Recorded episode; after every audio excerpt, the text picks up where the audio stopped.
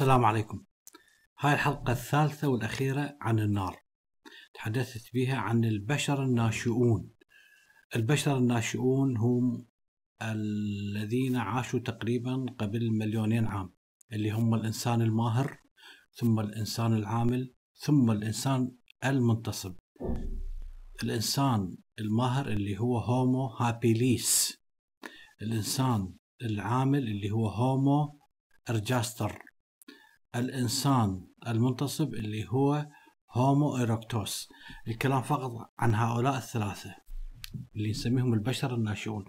اللي قبلهم أشباه البشر اللي هم قردة اللي نسميهم اسمهم العلمي استرالوبيتك يعني القرد الجنوبي أشباه البشر. المهم نصل إلى أن نقول أنه عندما بدأ هؤلاء البشر الناشئون الماهر والعامل والمنتصب استخدام النار. صاروا وظلوا الرئيسيات الوحيدة في العالم العارية يعني لا يوجد عندها شعر في جسمها. تساقط جميع الشعر اللي في الجسم حالها حالنا. لذلك النوم على مقربة من النار هو واحد من أكثر السلوكيات البشرية شيوعا. وجد هذا السلوك في كل مجتمعات الصيد وجمع الثمار فيما بعد. لذلك كان من السلوكيات الشائعة بين الصيادين وجامعي الثمار أن ينامون على مقربة من نار المخيم التي كانت تظل مشتعلة طوال الليل من أجل أن تحميهم من المفترسات. لذلك هذا السلوك كان يستحيل أن يطبق لو كانت أجسادنا أو أجساد هؤلاء البشر ما زالت مغطاة بطبقة سميكة من الفراء. يستحيل. لماذا؟ لأننا كنا سنشعل النار في أنفسنا لاقتراب ألسنة اللهم من أجسادنا. لذلك طرق تفاعل البشر مع النار على سبيل المثال مثل عندما يقوم إنسان بحمل شعلة متوهجة من مكان إلى آخر، عندما ينفخ في جمرات من أجل إذكاء النار، عندما يقوم بشواء الطعام من لحم أو من خضروات على هذه النار، عندما يقوم إذكاء نار المخيم بحطب جديد، عندما يقوم بمد ذراعيه وقدميه من أجل أن يتدفى تدفئتهم. لم يكن أي من هذه التصرفات ممكن لو كنا كما في الإنسان أشباه القرود أشباه البشر العفو أشباه البشر محتفظين بالفراء اللي يغطي أجسامنا. هذا اللي كان يغطي كل الأجساد أنواع الرئيسيات الأخرى. لذلك على سبيل المثال تخيل أنه أنت ترتدي معطف هذا المعطف من الفرو ثقيل جدا وطويل يصل إلى الذراعين ستدرك كم سيكون من المستحيل أن تكون أمامك شعلة من النار وتتدفأ وتمد لها يديك. فراء ثقيل يغطي ذراعيك وساقيك. مستحيل. سوف يقوم بالاشتعال وبالتالي سوف تحرق نفسك. لهذا السبب من الممكن لحد اليوم أن يتعلم الشمبازي على سبيل المثال أن يدخن سجائر ممكن. ولو على سبيل الصدفة أو التعليم. ممكن حتى يستخدم ولاعة ولاعة سجائر لكنه لا يستطيع أن يجلس بالقرب من النار لأنه سوف يحترق. ليس شمبازي فقط بل جميع الحيوانات ما عدا الإنسان. لذلك عندما بدأ هؤلاء البشر الناشئون الماهر والعامل والمنتصب استخدام النار التماسا للضوء وكذلك من أجل الحماية كانوا الأفراد والجماعات منهم الذين هم يوجد في جسمهم أقل كمية من الشعر هم الأنجح في الطرق مع التعامل مع هذه النار.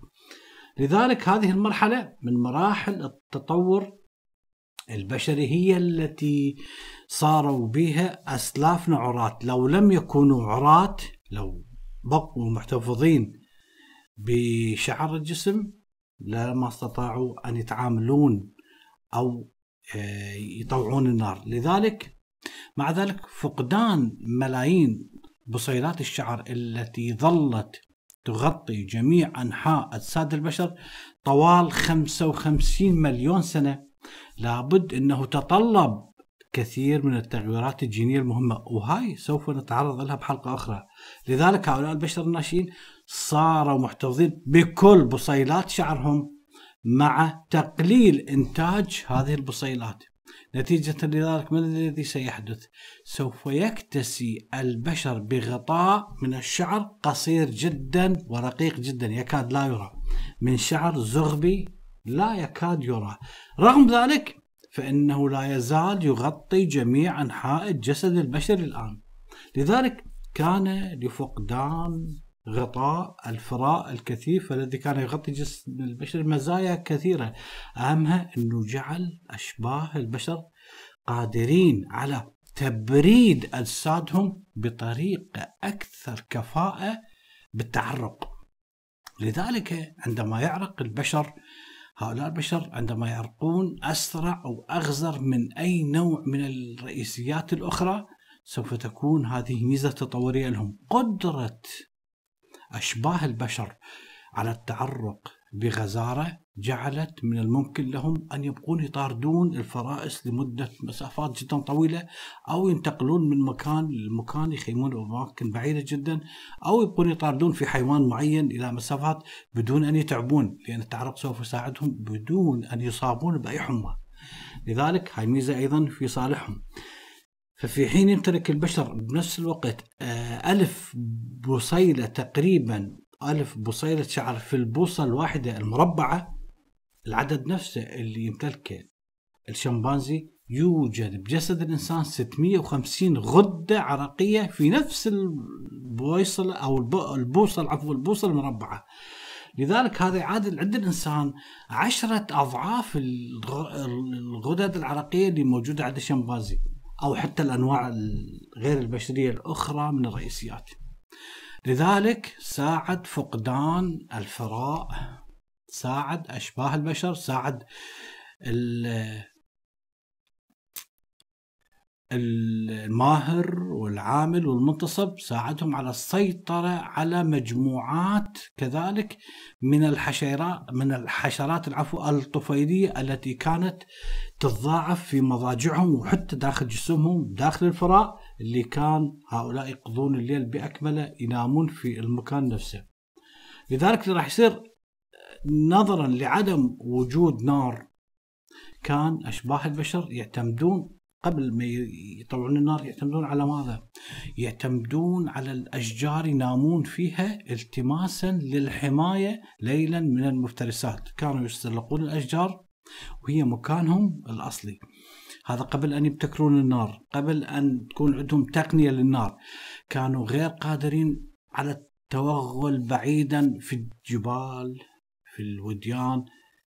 حيث تنمو يعني فقط الأماكن اللي بها أشجار هم يبقون بها لأنه هي اللي تحافظ على بقائهم من بقية المفترسات. لذلك هذه التغييرات متى بدأت؟ بدأت منذ 8 ملايين سنة في الجيولوجيا والمناخ. تغييرات جدا كبيرة أدت إلى انتشار مروج وغابات انتشار هائل امتدت من غرب أفريقيا إلى آسيا إلى الصين. ومنذ ثلاث ملايين عام تقريبا اندمجت بيئات السافانا في القارتين الأفريقية والآسيوية حتى تشكل لك حزام شاسع جدا من المروج اللي امتدت بدون انقطاع مثل ما ذكرت من غرب أفريقيا إلى حد الصين.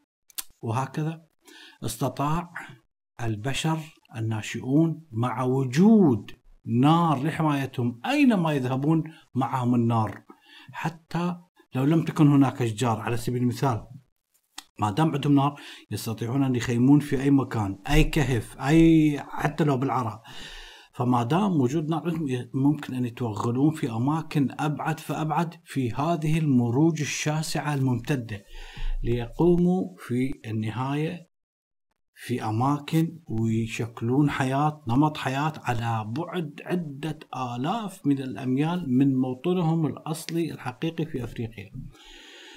لذلك نحن البشر بالغريزة في فطرتنا البشرية انفطرنا بشريا أن نكون سكان للكهوف. نحن البشر المنحدرين اللي سابقا أسلافنا عاشوا قبل 55 مليون عام على الأشجار. كانت القردة الشمبازي والغاب إنسان الغاب والبونوبو يعيشون على الأشجار عاشوا وماتوا في الهواء الطلق في الغابات. هؤلاء لم يكونوا قادرين على العيش في العراء. لذلك بدلا من أن يعيشون في كهوف كانوا يعيشون في العراء.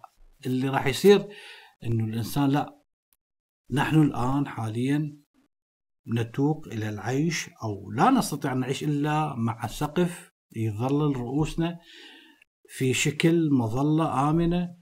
هذه المظلة لا تحمينا فقط من الشمس والأمطار والرياح والثلوج ابدا لكن أيضا تشكل بيئة مغلقة وكأنها مثل الكهف اللي سكنوا به هؤلاء البشر الناشئون. تحتجز لك الحرارة اللي كان يشعلها في وسط الكهف مما تجعل الكهف آه، يعني منبعثة بدفء بسبب هذه الحرارة. وأيضا بنفس الوقت يعني لا تلاحظ البيوت والشقق مصممة نفس الكهف أبواب وشبابيك مغلقة من أجل أن تحميه من الضواري هاي الكهوف سابقا وحاليا أيضا هي أمان للإنسان. لذلك أصبح الخوف أو خروج الدببة والأسود والنمور والضباع والقطط المتوحشة ما قبل التاريخ منذ زمن طويل أصبح في الأماكن اللي يعيش بها الإنسان لم يعد أمر مهم بالنسبة له عندما بدأ يسكن في الكهوف لذلك حتى اليوم إحنا تحتاج أجسادنا الخالية من هذا الشعر تحتاج إلى حماية من كثير من الأمور من طقس الطبيعة القاسي. لذلك تخلوا أسلافنا منذ زمن بعيد عن عادة النوم في العراء وأصبحوا ينامون في الكهوف في خيام وأكواخ الصيادين فيما بعد. هؤلاء اللي كانوا يجمعون الثمار اللي افسحت أفسح لهم المجال أفسحت لهم المجال لأن فيما بعد يكونون حضارة ونسكن الآن في منازل حديثة وشقق هي مشابهة من الناحية الهندسية إلى ما كانوا يسكنون به في الكهوف. احتفظت هاي المساكن اللي نعيش بها الآن نفس العناصر الأساسية للي كان يسكن بها هؤلاء البشر الناشئون في الكهوف. سقف فوقي سقف فوقي. فتحات للتهوية دخول الضوء فتحات للتهوية دخول الضوء. أبواب للخروج والدخول أيضا لابد من باب للكهف الخروج والدخول نفس الشيء لذلك أغلب البشر حاليا في بيوتهم في شققهم لا يشعرون بالإنزعاج عندما يعني يسكن في عمارة خمس طوابق أو عشر طوابق وينظر من النافذة ومن الشرفات إلى الأرض مع هذه الأمتار العديدة هذا يدل على ماذا؟ يدل على أنه إحنا انحدرنا من بشر أسلافنا كانوا يسكنون في الأشجار العالية وهذا شيء توارثناه. لذلك حتى الأحلام حتى الأحلام. يعني كثير من الناس يحلمون في الليل أنه يسقطون من مكان عالي من جبل أو شجرة أو عمارة وإذا بيفز عندما يعني يتخيل هذه. لا يوجد إنسان لم يحلم إنه يسقط من مكان عالي. هاي ميزة تطورية أيضا.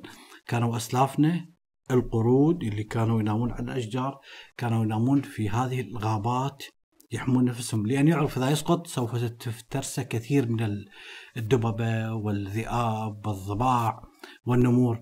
فلذلك كانوا ينامون على الأشجار. في كثير من الأحيان كان يخفى يتعب يسقط. عندما يسقط انتهى بعد. البقية فعرفوا هذا الشيء. لذلك كانوا ينامون وفي أحيان كثيرة يفزون. نحن نفس الشيء هات ورثناها.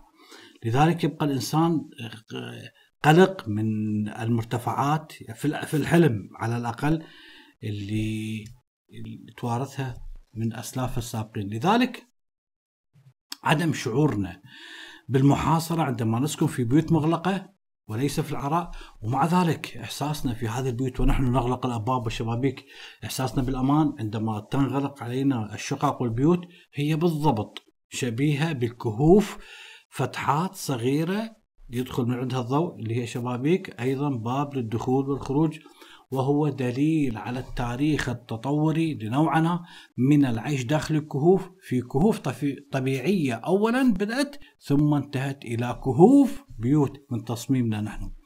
من ثم لم ينقرض هذا إنسان الكهف هو هو لا زال لحد اليوم الإنسان الناشئ الماهر والعامل والمنتصب حي لا زال يرزق يعيش في شقق وفلات وبيوت في هذا العالم الحديث. لذلك عندما بدأوا هذا البشر الناشئ وهاي كخلاصة لكل الحلقات الثلاثة عندما بدأ هذا البشر الناشئ قبل مليون عام استخدام النار ولولا هذه النار لما تكونت كل هذه الحضارة استخدامهم للنار جعلهم يطلقون العنان لمجموعة كبيرة من التقنيات جديدة من القدرات البشرية محررين أنفسهم من الحياة على الأشجار كأسلافهم وأسلافنا حتى تصير حياتهم بالكامل. أين؟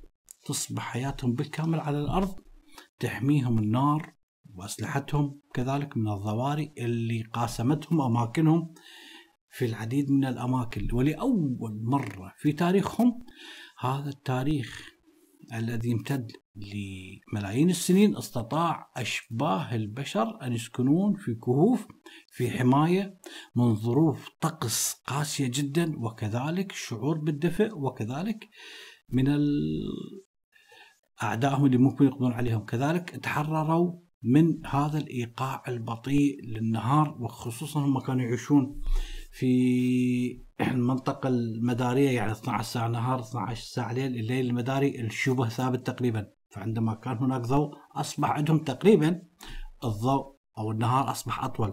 سمح لهم النهار أو الضوء اللي بالليل سمح لهم بالبقاء مستيقظين لساعات متأخرة ممكن يعملون كثير من الأعمال على هذا الضوء المنبعث. حياكة ممكن يصنعون أسلحة ممكن يتواصلون مع بعضهم البعض بشأن الأحداث اللي حدثت بالنهار. أخيرا اللي راح يصير أنه نوعت هذه النار نظام غذاء البشر مثل ما ذكرت بشكل تنويعي إلى درجة لم تكن سابقا.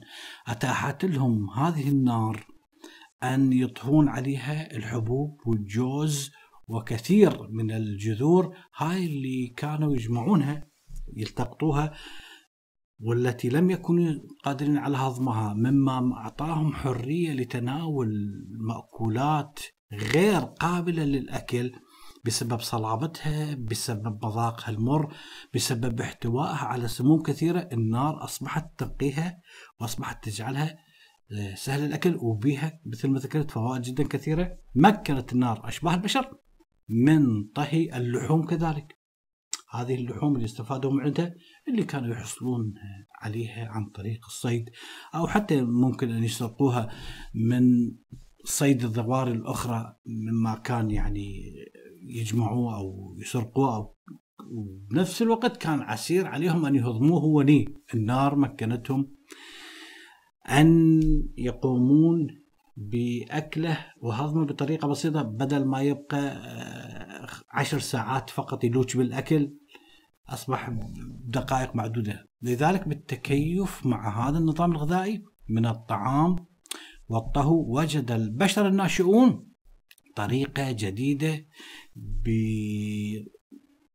تجعلهم يستثمرون وقتهم في وقت أقل في مضغ الطعام وفي هضم الطعام تختلف كثيرا عن السابق. لذلك تمكنوا هذا الطعام اللي هو الطعام المطهي أصبح يغذي أدمغتهم ومثل ما ذكرت بالحلقة السابقة أصبح حجم الدماغ في تزايد. هذا الدماغ الأكثر كلفة مما سوف يؤدي هذا الدماغ إلى الوعي واللغة وإلى حتى الملابس. وهي حلقات أخرى أذكر بها عن الملبس ودوره في أيضا فد ميزه تطوريه هذا البشر الناشئون اللي عن طريق هذه النار يعني عبروا لك فجوة بعد يستحيل أن يعودون لها تقدموا إلى الأمام فصلت لك هؤلاء البشر عن جميع الحيوان مملكة الحيوان بالكامل اللي كانوا انحدروا من عندها واللي سبقتهم. منذ ذلك الحين اكتشاف النار هي من أعظم السمات اللي اكتشفها البشر. لذلك إن بشر ما قبل التاريخ كانوا ينعمون بالدفء. كانوا ينعمون بالجفاف في كهوفهم وكذلك أغطية أجسادهم الصناعية اللي بدأوا يغطوها. وبحلقات أخرى أتحدث عن الملابس لها دور جدا مهم. تقريبا ما يختلف عن النار. لذلك أصبحت هذا الملبس والمسكن هي اللي مكنت أشباه البشر المداريين يعيشون في خط الاستواء من الإقامة في مناطق معتدلة في دوائر العرض الشمالية في مناطق باردة مكنتهم من البقاء على قيد الحياة حتى في ذلك الشتاء القارس عندما عبروا لأوروبا وغيرها. وبنفس الوقت مكنتهم من أن يسكنون في بيئات برية مختلفة في طول الكوكب وعرضه في نهاية المطاف. انتهت هاي الحلقة وشكرا لكم.